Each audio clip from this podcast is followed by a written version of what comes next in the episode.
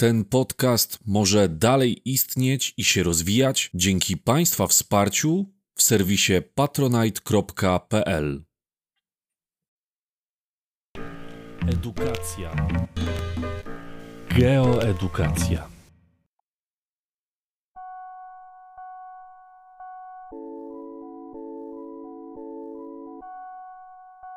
Wulkanizm i trzęsienia ziemi w Azji. Azja, tak jak powiedzieliśmy sobie wcześniej, jest największym kontynentem. Stąd nic dziwnego, że będzie tam występować bardzo wiele różnych zjawisk i procesów.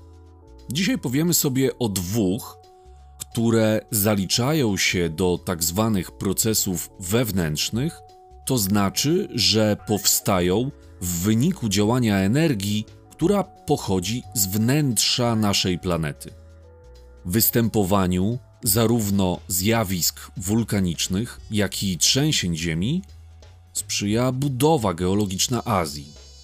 Jej obszar znajduje się na płytach litosfery, a właśnie w pobliżu granic poszczególnych płyt najczęściej będą występować zarówno zjawiska wulkaniczne, jak i trzęsienia ziemi.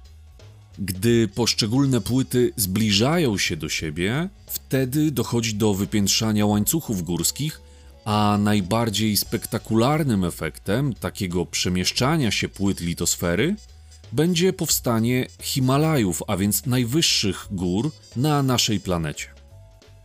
Himalaje powstały w wyniku zderzenia ze sobą dwóch płyt kontynentalnych płyta indyjska zderzyła się z płytą euroazjatycką. Kiedy jednak zbliżają się do siebie płyta oceaniczna i płyta kontynentalna, wtedy dochodzi do powstania czegoś zupełnie przeciwnego, mianowicie rowów oceanicznych, a więc najniżej położonych miejsc na naszej planecie. Dzieje się tak wtedy, kiedy płyta oceaniczna podsuwa się pod płytę kontynentalną.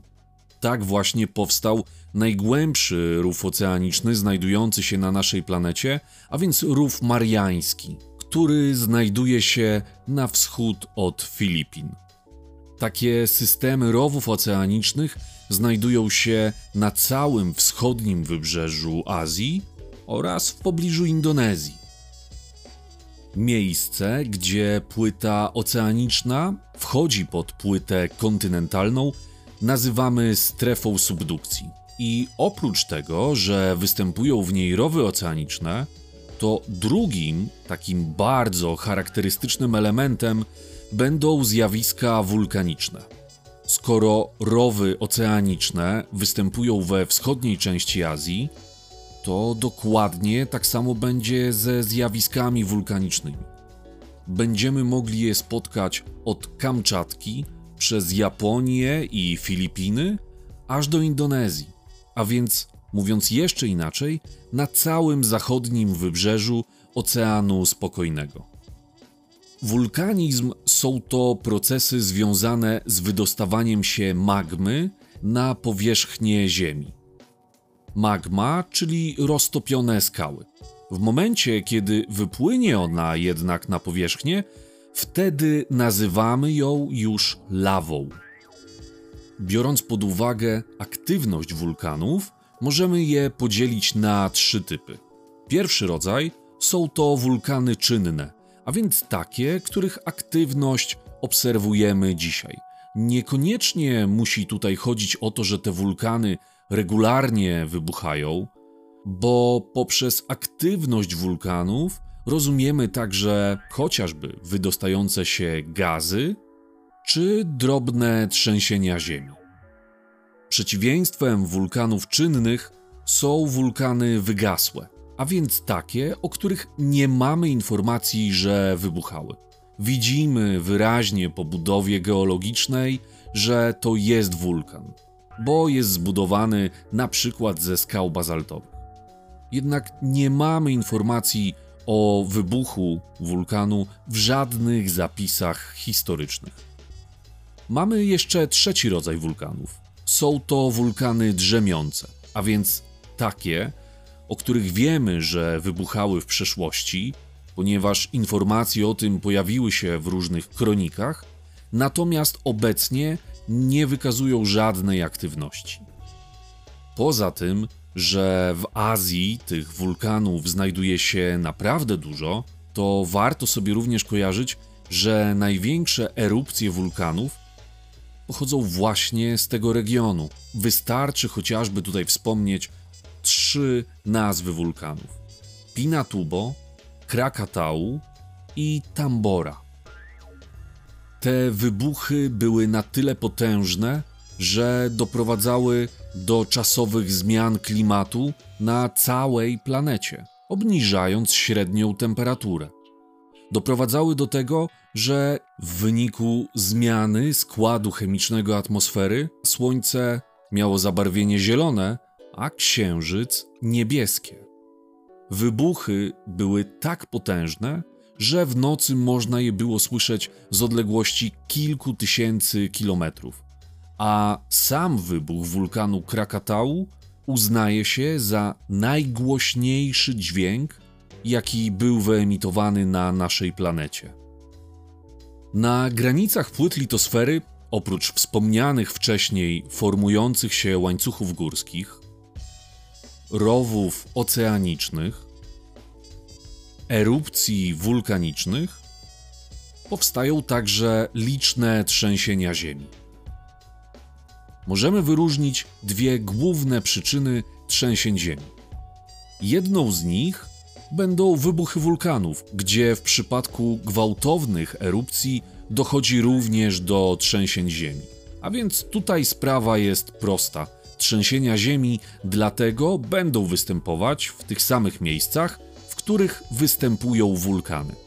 Jednak zdecydowanie częstszą przyczyną trzęsień ziemi będzie ruch płyt litosfery w miejscach, gdzie dochodzi do ich zderzeń, ścierania się czy napierania na siebie, dochodzi do wyzwolenia ogromnej energii, której efektem są właśnie trzęsienia Ziemi. Trzęsienie Ziemi nie powstaje na powierzchni. Powstaje pod powierzchnią, w miejscu, które nazywamy hipocentrum to właśnie z tego miejsca w każdą stronę rozchodzą się fale sejsmiczne.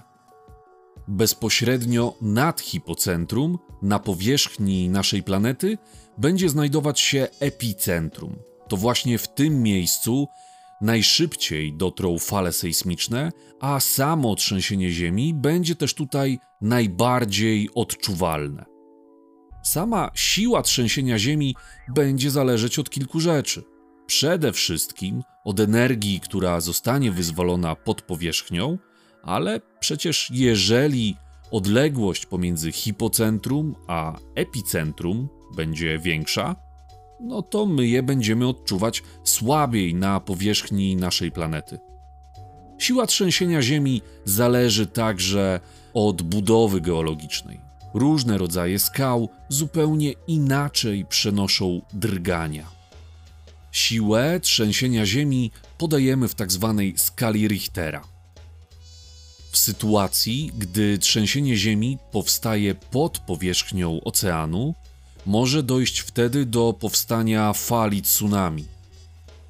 W XXI wieku najbardziej niszczycielskie tsunami miało miejsce w grudniu 2004 roku w pobliżu Sumatry, czyli wyspy należącej do Indonezji. W wyniku tego tsunami śmierć poniosło niemal 300 tysięcy osób. Wschodnie wybrzeże Azji i występujące tam zjawiska wulkaniczne oraz trzęsienia ziemi są częścią większego obszaru, gdzie te zjawiska również występują. A obszar ten nosi nazwę ognistego pierścienia Pacyfiku. To znaczy, że na każdym wybrzeżu tego oceanu będziemy mogli spotkać właśnie wspomniane wcześniej trzęsienia ziemi i zjawiska wulkaniczne. A więc będą one występować nie tylko na wschodzie Azji, ale również w Nowej Zelandii, a także na zachodnich wybrzeżach obu Ameryk. Zarówno zjawiska wulkaniczne, jak i trzęsienia ziemi oraz powstające w ich wyniku fale tsunami należą do jednych z najtragiczniejszych kataklizmów. Mogą one powodować śmierć wielu osób oraz wystąpienie ogromnych strat materialnych. W przypadku wybuchów wulkanu emitowane wtedy gazy doprowadzały do czasowych zmian klimatu na całej planecie. Jednak wybuchy wulkanów mogą dać też coś pozytywnego. W wyniku kolejnych erupcji może dochodzić do powstania wysp. Takimi wyspami, które są jednymi wielkimi wulkanami, są chociażby Hawaje. Także w pobliżu wulkanów możemy znaleźć bardzo żyzne gleby wulkaniczne, które powstały na pyłach i popiołach wulkanicznych. Doskonałym przykładem takiego wykorzystania obszarów w sąsiedztwie wulkanów będzie wyspa Jawa, znajdująca się w Indonezji. Ani wybuchom wulkanów, ani trzęsieniom ziemi nie jesteśmy w stanie zapobiec. Działalność człowieka będzie się więc skupiać na ograniczaniu ich negatywnych efektów. Próbujemy przewidywać wybuchy wulkanów czy trzęsienia ziemi, monitorując aktywność geologiczną w danym obszarze. Ograniczamy zabudowania w terenach szczególnie narażonych na występowanie tych zjawisk. Próbujemy także tworzyć budowle bardziej odporne na zniszczenia, które mogłyby wywołać na przykład trzęsienia ziemi. Jednak nawet dziś nie jesteśmy w stanie dokładnie przewidzieć występowania ani trzęsień ziemi, ani erupcji wulkanicznych.